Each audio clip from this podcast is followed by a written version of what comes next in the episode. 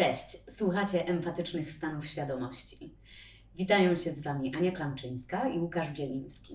Cześć, witam Was wszystkich. I jeśli chcecie nas wspierać, to zapraszam Was na Patronite'a, patronite.pl łamane przez empatyczne stany. Tam znajdziecie nasz profil. Jeżeli chcecie nas wspierać yy, i pomóc rozwijać ten podcast, to gorąco Was tam zapraszamy. Tydzień temu rozmawialiśmy o wyborze, uległości i buntowi, a dzisiaj y, chcieliśmy porozmawiać o innym rozróżnieniu kluczowym, jakim jest wrażliwość versus słabość. Ja wiem, że to jest bardzo kulturowe i że to jest utożsamiane w ten sposób w kulturze zachodniej, bo już z kolei w kulturze wschodniej jest to zupełnie inaczej postrzegane, no ale żyjemy tu, gdzie żyjemy i jesteśmy pod bardzo mocnym wpływem kultury zachodniej. I jednak jak ktoś płacze, to znaczy, że jest słaby. Jak ktoś coś przeżywa, no to jest to odbierane jako słabość. Mhm. Tak, i myślę, że warto tutaj się przyjrzeć mm, takim przekonaniom związanym właśnie z wrażliwością i z tą słabością, bo myślę, że można byłoby to rozkleić i zdefiniować to w taki sposób, że wrażliwość to jest zdolność do odczuwania emocji. Jeżeli ja mam wysoką wrażliwość, to mocno i intensywnie mogę doświadczać różnych emocji. Natomiast słabość, no to jest z kolei na przykład mały poziom zasobów, które mam. E, I niestety mam wrażenie, że wielu osobom się to zlewa w jedną, e, w jedną całość. Bo jak mamy mało... Żyjemy w kulcie superbohaterów, którzy ratują świat i tam się nie oglądają mhm. za siebie. I mamy właśnie małe dzieci, które mogą być bardzo wrażliwe, no bo mają dostęp do takiej wrażliwości, są kruche, więc e, no, wyczuwają czasami dużo więcej, dużo intensywniej, dużo mocniej. Jeszcze chyba mózg jest tak skonstruowany, że ma więcej połączeń neuronalnych w tym okresie rozwoju, więc może, może być tak, że tych, tych, te bodźce są dużo bardziej intensywnie odbierane, czyli na przykład dziecko może też no, intensywniej doświadczać zapachów i może w efekcie bardziej się chronić przed tym, żeby się na przykład nie zatruć, bo jeszcze nie ma tak rozwiniętego układu odpornościowego, tak jak na przykład te organizmy dorosłe. No i w efekcie e, no, jest wysoko, ma, ma dużo większą no, dużą wrażliwość, czyli ma dużą zdolność do odczuwania różnych stanów emocjonalnych, ale jednocześnie ma bardzo mało zasobów, czyli raz, że nie potrafi sobie regulować tych emocji, nie wie jak na przykład sobie z tymi emocjami radzić, więc y, może wchodzić w przeżywanie tych stanów w taki sposób, jaki przeżywa dziecko, czyli płacze, położy się na ziemi, wali nogami y, w ziemię i... Mm, no i co słyszy? Nie rób scen. Nie rób scen. Nie rycz. Nie złość się. Uspokój się. No i tak. pewnie jeszcze wiele różnych. Tak, nie płacz, tak, taki duży chłopiec, a dalej płacze i tak dalej, nie? Więc jest to, no właśnie, są to już od, od małego takie nawyki, które mają, którym których efektem może być tłumienie tych emocji. Czyli ja przeżywam te emocje, ale ich nie wyrażam i się zaczynam znieczulać, zaczynam wypierać te emocje mogę co, coraz mniej wrażliwy się stać. Natomiast warto byłoby sobie właśnie to rozróżnić, że ja po prostu nie mam zasobów. Jak jestem małym dzieckiem, no to ja nie wiem na przykład, jak działa świat. Nie mam jeszcze takich zasobów wiedzowych związanych z tym, jak na przykład funkcjonują różne rzeczy. Jeżeli coś e, się zepsuje, coś się nie uda, popełnię jakiś błąd, no to ja też mogę nie wiedzieć, jak to naprawić, no bo jeszcze nie mam, te, albo mogę nie być zdolnym naprawić, bo nie mam dostępu do takich zasobów, żeby na przykład naprawić jakiegoś rodzaju zniszczenia. Ale po, powiedz hmm? mi, czy można się uniewrażliwić? Bo gdzieś coś, e, co przeczytałam na temat wysokowrażliwych, czyli dorosłych hmm? wysokowrażliwych, e, no to jest to, że mają bardzo podobną strukturę neuronalną w mózgu do właśnie maleńkich dzieci. Hmm? I można się tego pozbawić? No nie można. To w jaki sposób można się uniewrażliwić tak mhm. społecznie na przestrzeni czasu i z wiekiem? Mhm. Można tylko chyba ewentualnie tłumić te emocje i nie dawać im ujścia. Mhm. Wiesz co, tutaj ciężko mi powiedzieć, dokładnie nie jestem ekspertem w takiej dziedzinie, jak, jak działa ta neurologia, neurobiologia, co się dzieje dokładnie w różnych e, typach, wiesz, u różnych okay. typów ludzi, więc niestety nie odpowiem na to tak pytanie. Jak to... nie. tak, tak, tak, tak, więc no pewnie część osób może tłumić, część osób, nie wiem, może to jakoś wpływa na jakąś aktywność genów, yy, że można włączać jakieś geny albo wyłączać jakieś geny, że, że te sytuacje stresowe mogą po prostu wpływać jakoś na aktywność jakichś genów. Nie mam pojęcia, niestety tutaj się nie wypowiem, nie chcę, wiesz, nie chcę jakoś czarować. E, natomiast, natomiast um, chciałbym właśnie tutaj wrócić do tego roz, rozróżnienia, że bo jak spojrzymy sobie na to, że my możemy nie mieć zasobów, nie mieć umiejętności jako małe dzieci e, i to nazywamy słabością, no to teraz pytanie, czy ja pozbywając się tej wrażliwości, na przykład poprzez tłumienie jej, tak, swoimi swoimi jakimiś mechanizmami obronnymi, które mogą w mojej głowie się uruchomić, e, to czy to jest równoznaczne teraz z pozyskaniem siły jakiejś, nie? czy pozyskaniem zasobów? No, prawdopodobnie. Pozornie. Pozornie, właśnie, no bo wcale, wcale mogę tutaj jakichś dodatkowych nowych zasobów nie uzyskać z powietrza od razu, natomiast... Czy wiesz co, chyba znacznie ciężej jest te, te zasoby odbudowywać. Ja kiedyś na sobie robiłam hmm. eksperyment, że stwierdziłam, że dobrze, bardzo trudno jest mi się mierzyć z tym, że mam nie płakać, że nie można płakać, że to jest złe, że to jest właśnie oznaka słabości, więc stwierdziłam, dobrze, to ja już nie będę taka wrażliwa. Natomiast to tak nie działa, a też hmm. zasoby, jakie ja wyczerpywałam na to, żeby nie płakać, nie przeżywać w taki zintensyfikowany sposób, nie sprawiały, że stawałam się silniejsza, tylko że jeszcze, jeszcze te zasoby mhm. miałam mniejsze. No właśnie, no może być to mm, ta.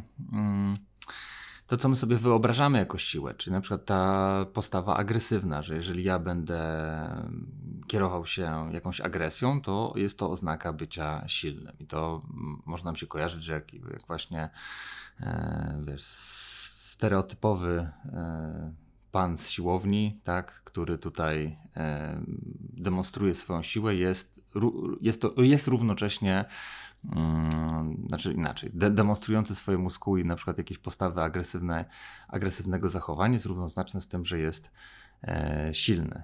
Tak? A to takie przekonania mam wrażenie, że, mhm. że biorą się z jakichś bardzo pierwotnych odruchów, mhm teraz już umówmy się, że to nie do końca siła mięśni. Oczywiście, oczywiście, oczywiście. Tylko chodzi mi bardziej o taką postawę. Tak wrzuciłem tutaj specjalnie taki, wiesz, jaskrawy, trochę stereotypowy. Bardzo stereotypowy. Tak, bardzo stereotypowy.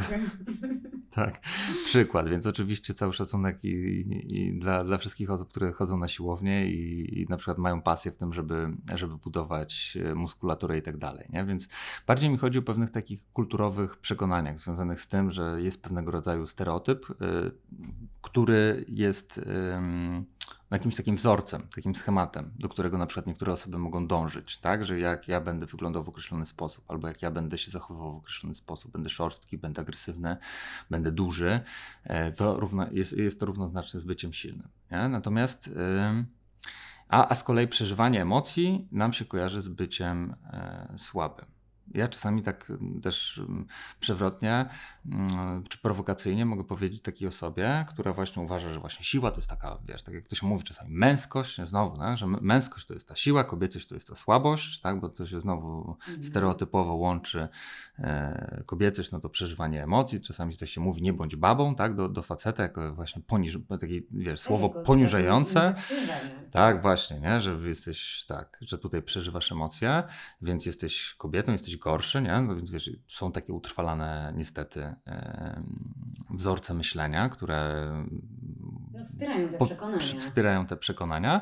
No i mamy takie przekonanie, że ta męskość, ta siła to jest właśnie przykład, e, przykład znaczy no, ta męskość, właśnie tak jak powiedziałem, ta siła, no właśnie nie, że, że ta męskość, czyli ten sposób, ta, ta agresja równa się jakaś e, siła. I oczywiście czasami tutaj, tak jak mówiłem, prowoka- e, lubię czasami takie prowokatywne e, taką zmianę perspektywy i na przykład mówię, ok, czyli w takim razie to co, to jeżeli ty się wstydzisz płakać, to oznacza, że ty jesteś odważny, czy jednak, że się boisz? Czy, czy właśnie, czy, czy jesteś na tyle odważne, żeby nie wstydzić się płakać. A może się wstydzisz płakać. Tak się wstydzisz płakać, to, to, to jesteś w takim razie masz, to jest przykład siły, czy, czy raczej właśnie słabości. Nie?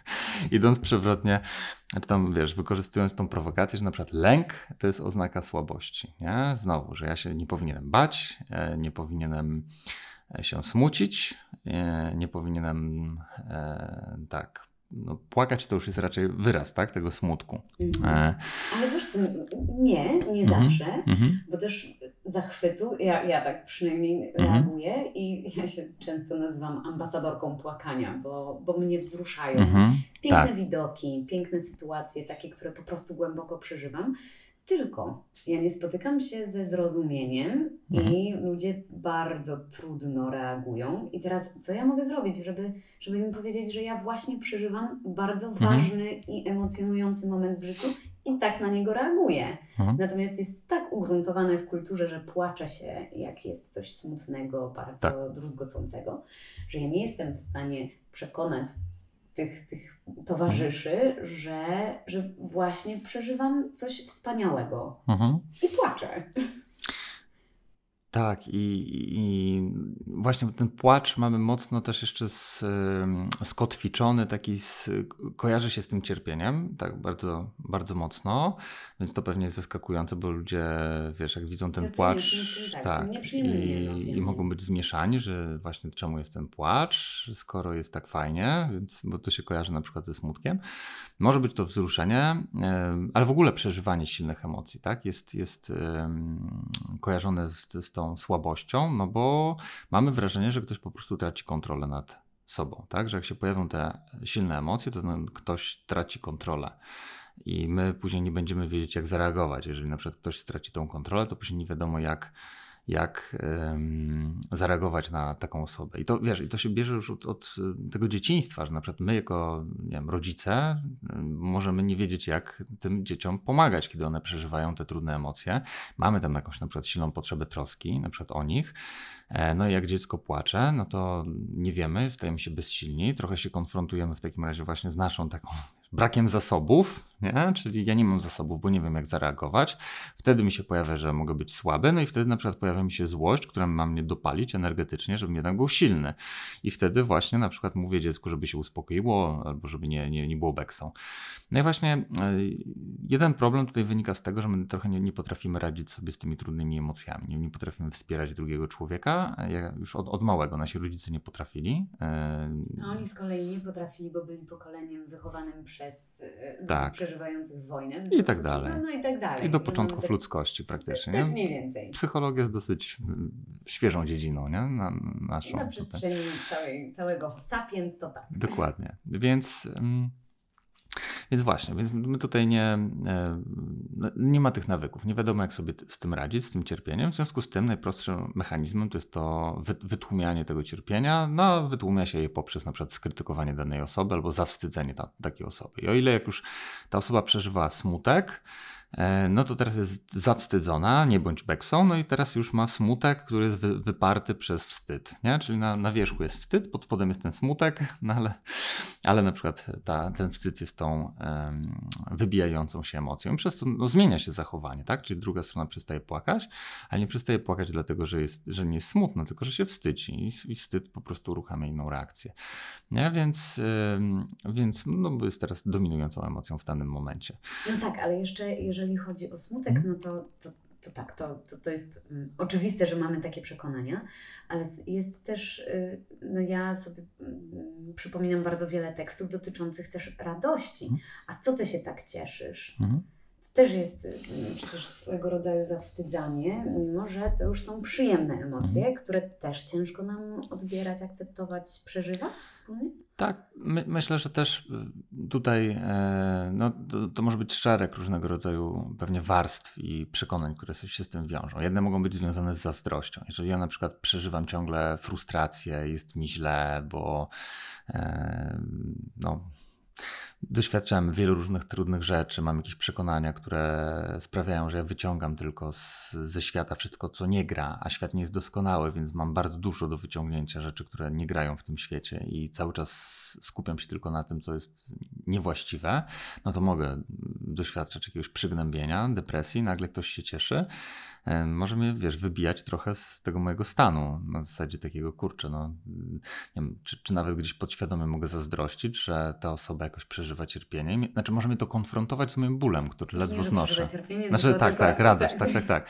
Ja przeżywam cierpienie, tak, e, druga strona przeżywa radość i mnie to jeszcze bardziej konfrontuje, bo jeżeli na przykład jest wiele osób, które przeżywa cierpienie, no to jest mi przynajmniej raźniej, bo jesteśmy w jakiejś przynależności, wiesz, nie jestem dziwny, bo... Życie społeczne. Tak, tak. wsparcie Mam grupowe. wsparcie grupowe, wszyscy, wszyscy jesteśmy tacy sami, czuję się bezpiecznie, a nagle wiesz, ktoś tutaj się cieszy i teraz już nie mam z nim tej przynależności na, tym, na tej płaszczyźnie na przykład cierpienia. To jest jedna rzecz. Druga rzecz, czasami osoby, które mogą się cieszyć, mogą też jakby tracić kontrolę, nie? czyli jak ja jestem taki roz entuzjazmowany, roz, eks, w, pełen, w pełnej ekscyt, ekscytacji, I w przyjemności. I w przyjemności? przyjemności. no to też na przykład może pojawić się jakiegoś rodzaju przekonanie związane z tym, że ktoś, nie wiem, uzależni od czegoś, nie? Albo że będzie tylko to robił, albo że zapomni o całym innym świecie, o tych innych ważnych na przykład strategiach do przetrwania i zamiast, wiesz, yy, no, no też może być takie trochę zagrożenie, że gdybyśmy skupili się tylko i wyłącznie na przyjemnościach i na przykład nie dbali o te, wiesz, przetrwanie, jakieś gromadzenie jedzenia, ym,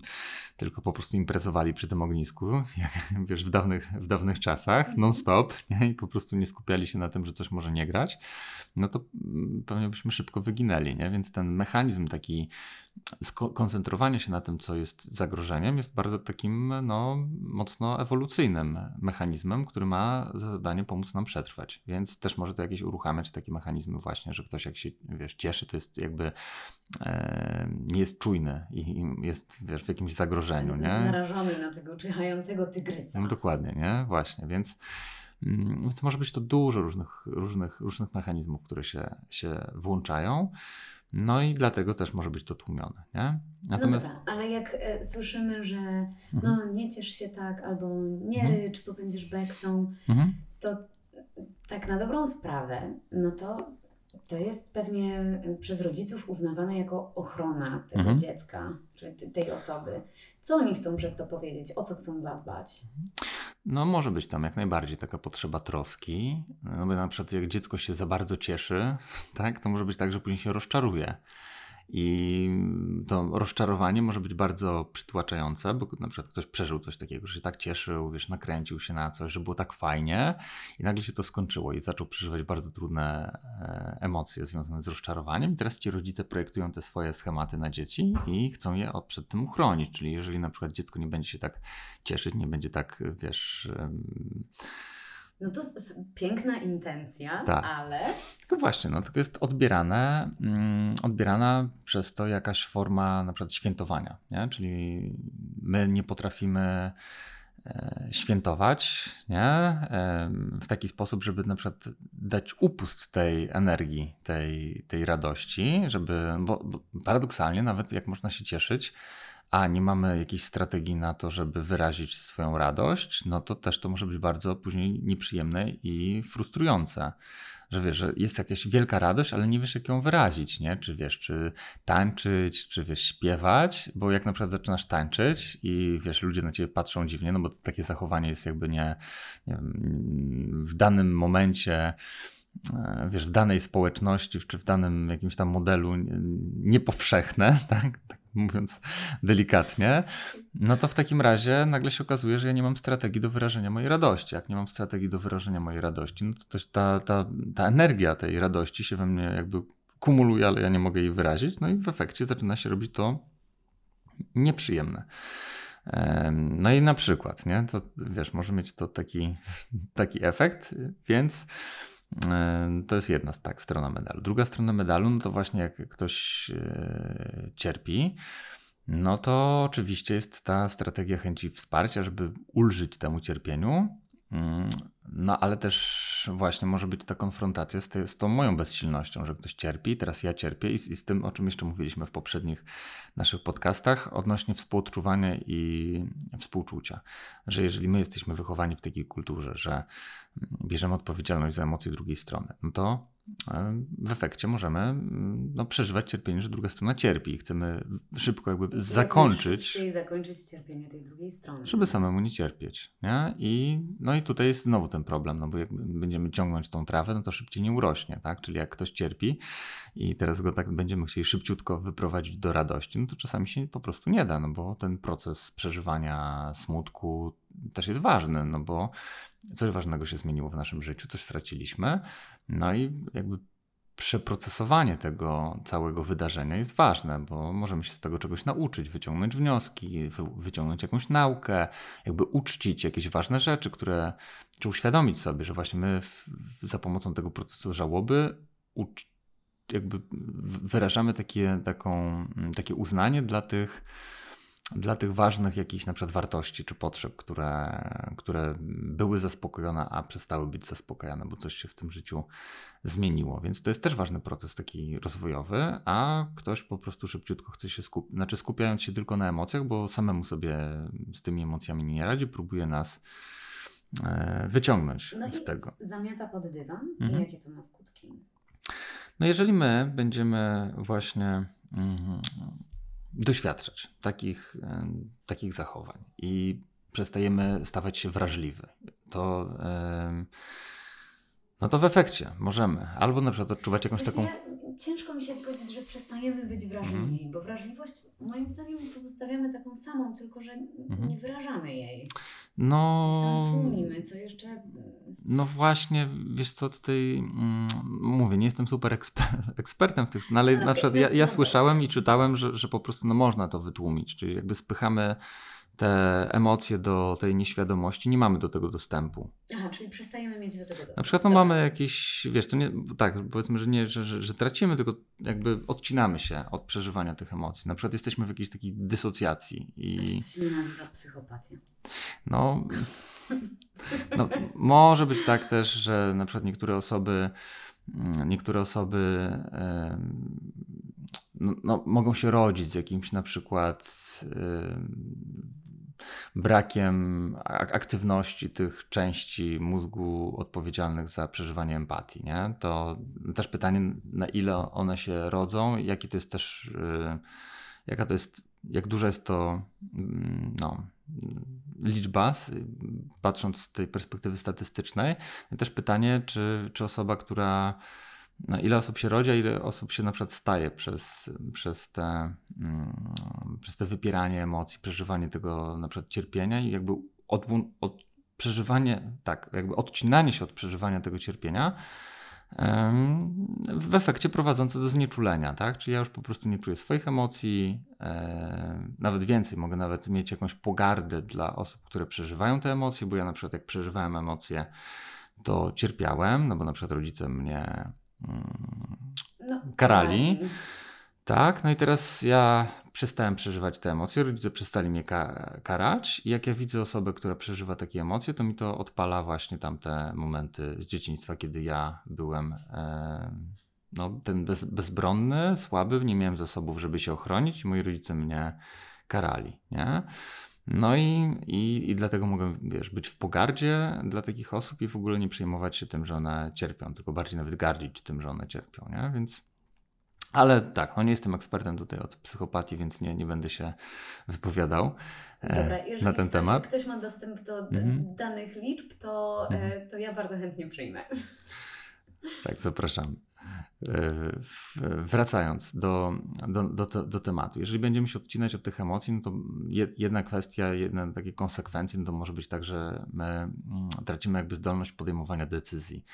E, takich mm, no, z, z tej płaszczyzny też emocjonalnej, bo możemy się kierować racjonalnością naszą, ale racjonalność często, znaczy, mogą być sytuacje, że będzie niewystarczająca, że mamy, że tak zrobimy sobie listę, wiesz, plusów i minusów pozostania w pracy i listę plusów i minusów zmiany pracy, no to w obu przypadkach może to wyglądać no, prawie na, no, nawet na, na tym samym poziomie, no, że mamy plusy, jak tutaj, nie wiem, tu znamy ludzi, e, tu wiemy, jak ta firma się będzie rozwijać, jakie mamy potencjalne możliwości e, awansu. E, na przykład firma widzimy, że jest stabilna finansowo, więc jest bez, bezpieczna, wszystko fajnie, natomiast no, zmieniając pracę możemy się być może czegoś nowego nauczyć, rozwinąć, być może będą większe możliwości awansu, no ale jest ryzyko, no bo nie wiadomo, czy firma jest stabilna, może to jest jakiś startup, więc może będzie albo wielki, albo na przykład upadnie i co później, nie? Więc nagle może być tak, że jak zaczniemy sobie to analizować racjonalnie, no to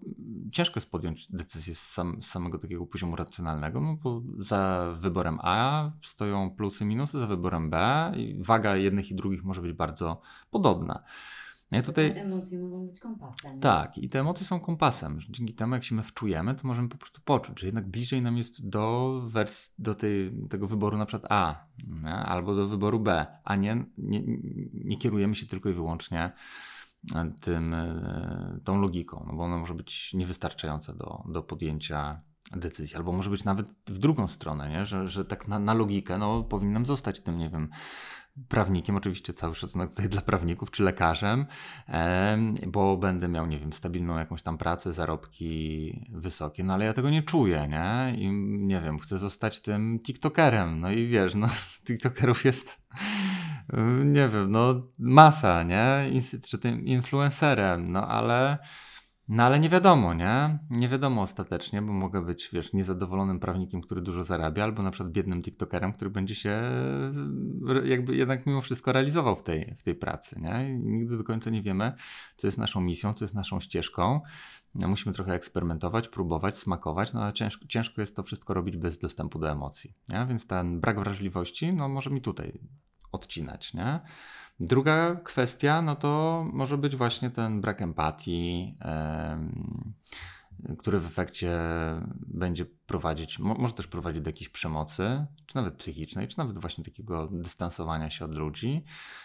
No bo bez tych emocji ciężko jest zbudować jakąś bliskość. Taki kontakt, głęboki kontakt z drugim człowiekiem, gdzie czujemy właśnie, że, że jesteśmy blisko, nie myślimy, że jesteśmy blisko.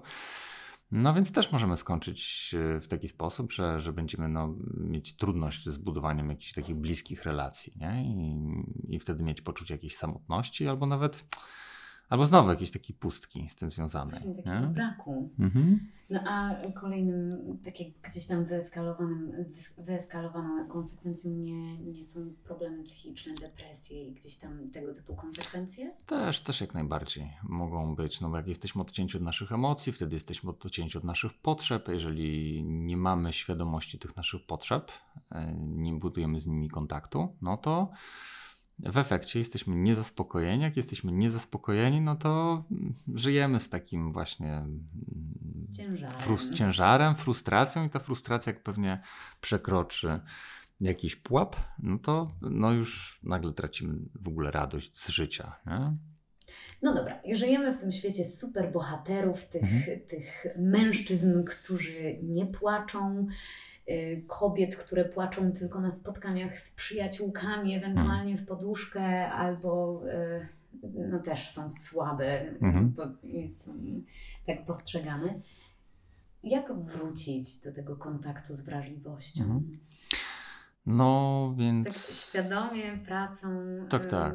Tak, tak. No, możemy zacząć od, od pracy z przekonaniami, czyli trochę to, to, co tutaj robimy, czyli staramy się odczarować, że ta, mm, przeżywanie tych emocji nie jest słabością. To jest po prostu przeżywanie emocji, jest przeżywaniem emocji, czyli ta wrażliwość to jest po prostu zdolność do przeżywania e, emocji. Natomiast to, jak ja już te emocje wyrażam, to już jest kwestia bardziej strategii, czy ja potrafię je wyrażać, czy nie potrafię ich wyrażać w jakiś taki konstruktywny sposób, który będzie wspierający dla mnie i dla drugiej strony. Nie? A kto określa konstruktywność mhm. tych sposobów? Rozumiem, że w rozumieniu, agresję, no to, to rozumiem. W rozumieniu bardziej, czy to właśnie będzie zaspokajać potrzeby, tak? Wiesz, moje i innych ludzi. No w, w, tym rozumieniu konstruktywne, nie? Mm, nie jakiś tam właśnie zewnętrzny, że jest jedna najlepsza opcja, tylko w takim rozumieniu właśnie, że konstruktywny, czyli taki, który wspiera mnie i na przykład y, pomaga mi zaspokajać moje potrzeby i potrzeby innych, innych ludzi. Więc y, czy ja potrafię tak na przykład wyrażać emocje, kiedy ja jestem, wiesz, w smutku, to czy, bo, bo też wiesz, nie chodzi o to, że jak jestem wrażliwy i nie mam zasobów właśnie, no to y, no nie chodzi o to, że na, na spotkaniu biznesowym teraz, wiesz, jak mi negocjacje nie poszły, to ja teraz się rozpłaczę przy stole i wiesz, i, i, i będę płakać, nie? Bo nie będę potrafił poradzić sobie z, to, z tymi silnymi emocjami smutku, bo być może rzeczywiście, wiesz, y, wielki smutek zacząłem przeżywać, bo się nakręciłem tak bardzo na tego deala mhm. życia i nagle się okazało, że jednak do tego, e, wiesz, nie, nie dojdzie do podpisania umowy, więc e, nie chodzi o to, żeby właśnie, wiesz, nie przeżywać emocji, że to jest rozwiązanie problemu, tylko bardziej nauczyć się przeżywać emocje mm, w taki sposób, który będzie dla mnie wspierający. Czyli i to może się wiązać w ogóle z, ze zmianą mojego podejścia, czyli dlaczego ja w ogóle tak bardzo się napaliłem na tego, na tego deala, nie? jakie tam moje potrzeby stały za tym dealem, e, o co ja chciałem się zatroszczyć. Czy rzeczywiście nie mogę się zatroszczyć o to bez tego deala? Może się okazać, że mogę się zatroszczyć o to i wtedy na przykład już nie będę miał tak intensywnego jakby pragnienia tego, żeby to się wydarzyło, tylko podchodzę do tego bardziej w taki racjonalny powiedzmy sposób, że no, nie, nie mam na to wpływu ostatecznie. Mogę się przygotować najlepiej jak potrafię i jak dojdzie do deala, to dojdzie do deala, jak nie dojdzie do deala, to no nie dojdzie do deala, nie? I nie znaczy, że nie mam doświadczać smutku, bo mogę doświadczać smutku, bo rzeczywiście ten deal pomógłbym, wiesz, ta, ta umowa, ten, tak, w zrealizowaniu jakichś tam potrzeb, czy wiesz, tak, moglibyśmy pójść gdzieś dalej, czegoś nowego doświadczyć, coś rozwinąć a teraz na razie nie mam tego, no i mogę przeżywać smutek i okej, okay, tylko znowu nie chodzi o to, żeby wiesz, żeby jak przeżywam smutek, znowu nie wiem jak sobie z nim radzić, no to wiesz, kupuję sobie paczkę lodów i wiesz, butelkę wina i, i jakby próbuję znowu wytłumić to, tak, wiesz, cukrem i alkoholem. Tak, tylko rzeczywiście się na przykład za pomocą tego smutku kontaktuję, co jest dla mnie ważne, o co chciałem za, zadbać, nie, tak żeby Czyli poświęcasz czas sam sobie mhm. na, na tę rozmowę z samym sobą. Na rozmowę z samym sobą, na czucie właśnie tego, na, na, jakby poszerzaniu świadomości i budowaniu kontaktu z tym, co jest dla mnie naprawdę ważne, czyli z tymi właśnie, wiesz, potrzebami, czyli tymi aspektami egzystencji, które chciały się u, um, zamanifestować w tamtym, wiesz, w tamtym dealu, nie? I um, w tamtym, w takim, no, w każdym razie. Um, ale coś, co jeszcze tutaj chciałam dodać, mhm. bo tutaj na rozmowie z samym sobą, mhm. ale też i chyba często y, druga empatyczna osoba może być dużym wsparciem. Mhm. Tak, tak. Druga osoba mm, czasami może być w ogóle kluczowa w tym, żeby odzyskać ten kontakt, e, bo jak przeżywamy e, smutek e, i trudne emocje, no to możemy nie mieć właśnie zasobów do tego, żeby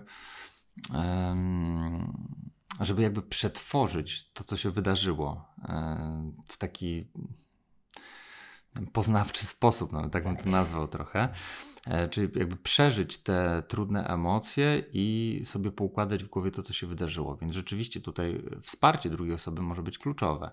I znowu, jeżeli ja mam świadomość, że tak działam, tak funkcjonuję i że to jest wspierające, no to mogę po prostu zacząć korzystać z tego wsparcia, bo znowu mamy takie przekonanie, jeszcze to jest a propos, przeko a propos przekonań, że bycie silnym to jest bycie samowystarczalnym.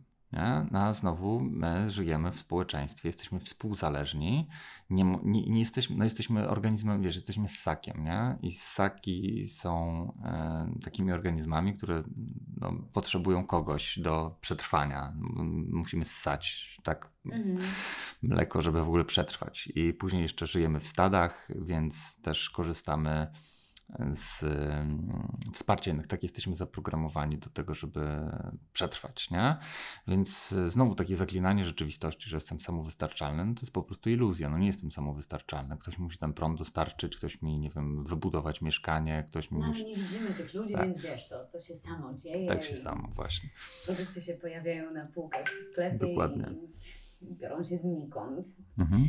Ale wiesz co, bo, bo tak powiedziałeś, że czasami kluczowe jest to wsparcie drugiej osoby. Mhm. Ja już mam taki, taki schemat zachowań, że jak jestem w jakimś tam totalnym lęku, to dzwonię do, do mojej przyjaciółki, ona mi zadaje pytanie, okej, to gdzie to czujesz i tak dalej, co, co, już, już wiem, że to się wydarzy. Natomiast co, jeżeli ta osoba nie odbiera telefonu Mhm. albo nie może nas wtedy wesprzeć? Czy mamy się Mhm. obstawić całym szeregiem takich osób empatycznych? No pewnie warto mieć więcej niż jedną taką osobę. Nie? Bo może akurat być w pracy albo przykład, tak. zapomnieć Albo sama w trudnej sytuacji, nie mieć Na energii przykład. i tak dalej. Tak, więc no właśnie, więc im więcej mamy osób, które mogą nas wesprzeć, tym pewnie łatwiej uzyskać to wsparcie, więc warto rozwijać. Więc czemu nie? Tak, więc warto rozwijać takie relacje, nie? Gdzie, gdzie będziemy mogli mm, takie wsparcie, z takiego wsparcia skorzystać. No ostatecznie, jeżeli nikogo takiego nie mamy, no to zawsze jest wsparcie e, za jakieś pieniądze, czyli możemy po prostu zgłosić się do jakiegoś, wiesz, psychoterapeuty, czy, czy może nawet na jakiś coaching, gdzie, czy empatyczny, gdzie, mm, czy na sesję empatii do kogoś, Tak, bo coaching się y, Źle kojarzy. źle kojarzy. Tak, tak, tak. Więc coaching tutaj to nie polega na tym, że mówimy, że jesteś zwycięzcą i zawsze możesz wszystko, tylko jest to towarzyszenie drugiej osobie w e, drodze do tego, żeby sobie e, wypracowała jak, jak, jakiś plan i sposób na realizację własnych celów, tak? Więc no nie, nie mówimy, co, jak, jak ma żyć, tylko bardziej pomagamy odpowiedzieć sobie e, takiej osobie samej na, na to pytanie. Wracając w każdym razie do, e, do tego tematu, no, no można skorzystać z takiego wsparcia jeszcze e, za pieniądze i też nie ma w tym nic złego, no bo mm, wiesz, jak, jak złamiemy nogę, no to jest normalne, że czy rękę, nie, czy cokolwiek nam się dzieje z ciałem, no to że idziemy do tego lekarza, płacimy pieniądze, żeby nam pomógł, sami sobie tej ręki nie, nie będziemy składać, nie będziemy sobie operacji robić, no jest to mm, po prostu... Wiesz co, w moim otoczeniu to jest bardzo naturalne, Naturalne. po prostu korzysta się w ramach dbania o swoje zdrowie, y, korzysta się również z pomocy i wsparcia psychicznego. Mm, właśnie. Y, No, ale nie we wszystkich kręgach y, w Mhm. Polsce, ale też i na świecie, nie we wszystkich kręgach to jest tak odbierane, że jednak Mhm. jest ta stygmatyzacja osób, Mhm. które mm, leczą się Mhm. mm, psychicznie. Tak, tak. No, no, mm, no, myślę, że się powolutku będzie to zmieniać. e, Ja mam i, taką i, głęboką nadzieję. I trzymam, trzymam kciuki, żeby bardziej szybko niż powoli, ale no, myślę, że każdy w swoim tempie jakoś może. Tak, no nic na siłę. No ale mm, polecam, tak? Polecam, polecamy e, tego typu e, korzystanie w, ze wsparcia. A tak tu i teraz doraźnie, Mhm. jak możemy, no bo właśnie mnie, ja sobie odkrywam, w którym miejscu w ogóle czuję te emocje. Mhm. I to jest ciekawe, że poszczególne emocje w ogóle czujemy w różnych częściach ciała i że Mhm. możemy to zdefiniować, w, w których miejscach czujemy. Tak, tak, więc y, to jest, to jest kolejny, kolejny jakiś jeszcze mm, etap pracy, bo może być tak, że jak- przez wiele lat y, sobie te emocje wypieraliśmy, no to możemy no, nie mieć teraz z nimi kontaktu. E, Więc tutaj gorąco też polecam między innymi praktykę Nonviolent Communication, bo tam mamy na przykład e, listę uczuć, e, czy listę emocji, bo też możemy nawet nie, nie mieć takiego słownika właśnie, co ja czuję, nie? tylko no, co ja czuję, no czuję się dobrze albo czuję się źle, ale nie, nie potrafię No nazwać. jest jeszcze pewnie trzecia opcja, ale to może ocenzuruję. Tak. No właśnie, więc, y, więc może być tak, że no, pierwszym krokiem jest w ogóle mm, zdobycie jakiejś listy uczuć, żeby w ogóle wiedzieć, co ja mogę przeżywać. Druga kwestia to jest właśnie ta lista potrzeb, czyli żeby wiedzieć, o jakich mi tych emocjach te, znaczy o jakich potrzebach mi te emocje mówią. Więc to jest w ogóle tak poznawcze, żeby w ogóle umieć to nazwać. Jeżeli chodzi z kolei o takie wczuwanie się, no to są techniki, czy jakieś medytacji, czy czasami e, na przykład focusingu, które polegają na takim koncentrowaniu się na właśnie na ciele, na zwracaniu uwagi na to, na to o czym mówisz, nie? że gdzie, gdzie te poczucia w ciele się pojawiają, tak? Że to jest gdzieś napięcie w brzuchu, tu w barku, tu w dłoni, tutaj gdzieś w szyi, tu w gardle, w gardle, tutaj w takim miejscu, żeby też uwrażliwić się, przesunąć tą naszą uwagę i świadomość na to ciało, bo tam właśnie te emocje się ujawniają w postaci właśnie takich poczuć jakichś, które płyną z tego ciała. Nie? Więc takie uwrażliwienie się, czy przekierowanie uwagi na to, co, co się dzieje w moim ciele. Bo tak zazwyczaj to jesteśmy na zewnątrz, tak? Nasza uwaga jest na zewnątrz, nie w ciele, albo w telewizorze, albo w Facebooku, albo w jakichś tam innych mediach społecznościowych, albo na rozmowach ze znajomymi, albo w, na, w korku, Wszędzie. albo na zakupach, tak? Więc nasza uwaga jest bardzo na zewnątrz, natomiast emocje są wewnątrz, więc jak nie trenujemy takiej koncentracji na wewnątrz, tylko na zewnątrz, no to może być nam ciężko w ogóle zauważyć, że my coś czujemy. Nie? I, e, no i, i, właśnie, czyli tutaj jakaś, jakaś może medytacja też może pomagać. Też z, z medytacją też trzeba uważać czasami, bo może być to dobre narzędzie do właśnie uciekania od tych trudnych emocji. Bo jak wejdę w stan medytacji, przestanę na przykład myśleć o problemach, wejdę w tu i teraz, wszystko fajnie, czuję się dobrze, mogę doświadczać nawet, nawet czasami stanów aż mistycznych, takich głębokich, głębokiej ekstazy. No i teraz zaczynam medytację traktować jako takie narzędzie na przykład ucieczkowe od właśnie trudnych, nieprzyjemnych emocji, bo mamy znowu przekonanie, że nie powinienem przeżywać cierpienia, nie powinienem przeżywać tych nieprzyjemnych emocji. No i jeżeli całe życie przed nimi uciekałem, no to, no to dalej mogę ten schemat utrwalać, więc też właśnie przekonanie, że, że to, te nieprzyjemne emocje też są potrzebne, bo mówią właśnie o naszych potrzebach.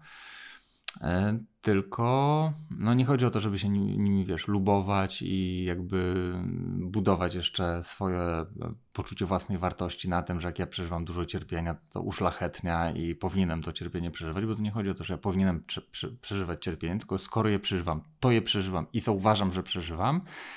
I w efekcie e, staram się dokopać w ogóle, co mi to cierpienie mówi, o jakie potrzeby ja chcę zadbać, co ja chcę urzeczywistniać w moim życiu, jakie wartości chcę zadbać. No i wtedy, e, po odzyskaniu tego kontaktu ze sobą, wtedy podejmuję właśnie jakieś kroki, jakieś zmiany, żeby te potrzeby, o te potrzeby się zatroszczyć. Ja myślę, że tych technik jest bardzo wiele tak. i że każdy gdzieś tam ma pewnie swoje bliższe i swoje dalsze, mhm.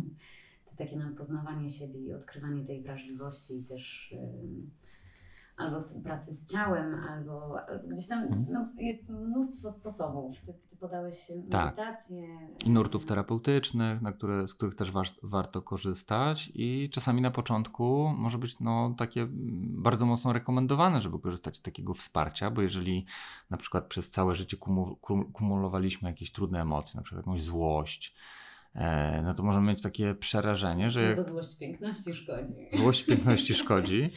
A jednocześnie ja mogę na przykład e, mieć tak wiele niewyrażonej złości w sobie, że ja się boję, że jak zacznę w tym grzebać, ja się na to otworzę, to, to ta złość tak wy, wybuchnie, wyleje się, że ja komuś zrobię krzywdę, że, wiesz, że nagle był uwolnię demona i zacznę mordować ludzi, bo tyle jest we mnie złości, więc warto mieć kogoś, kto e, będzie potrafił przeprowadzić nas przez ten proces e, uwalniania tych emocji, czy kontaktowania się z tymi emocjami, bo może być tak, że rzeczywiście na początku jestem w takiej wściekłości, złości, że chcę coś rozwalić, no i wtedy warto skorzystać na przykład z, jakiejś, z jakiegoś wsparcia, gdzie ktoś w konstruktywny sposób, czyli że, że nie będziemy walić, tak, nie będziemy uderzać kogoś w twarz, tylko na przykład weźmiemy sobie plastikowy jakiś kij baseballowy i zaczniemy uderzać o materac, na przykład są takie metody też wyładowywania e, tych emocji, czy, czy też budowania z nimi kontaktu, żeby się tak wiesz, nauczyć trochę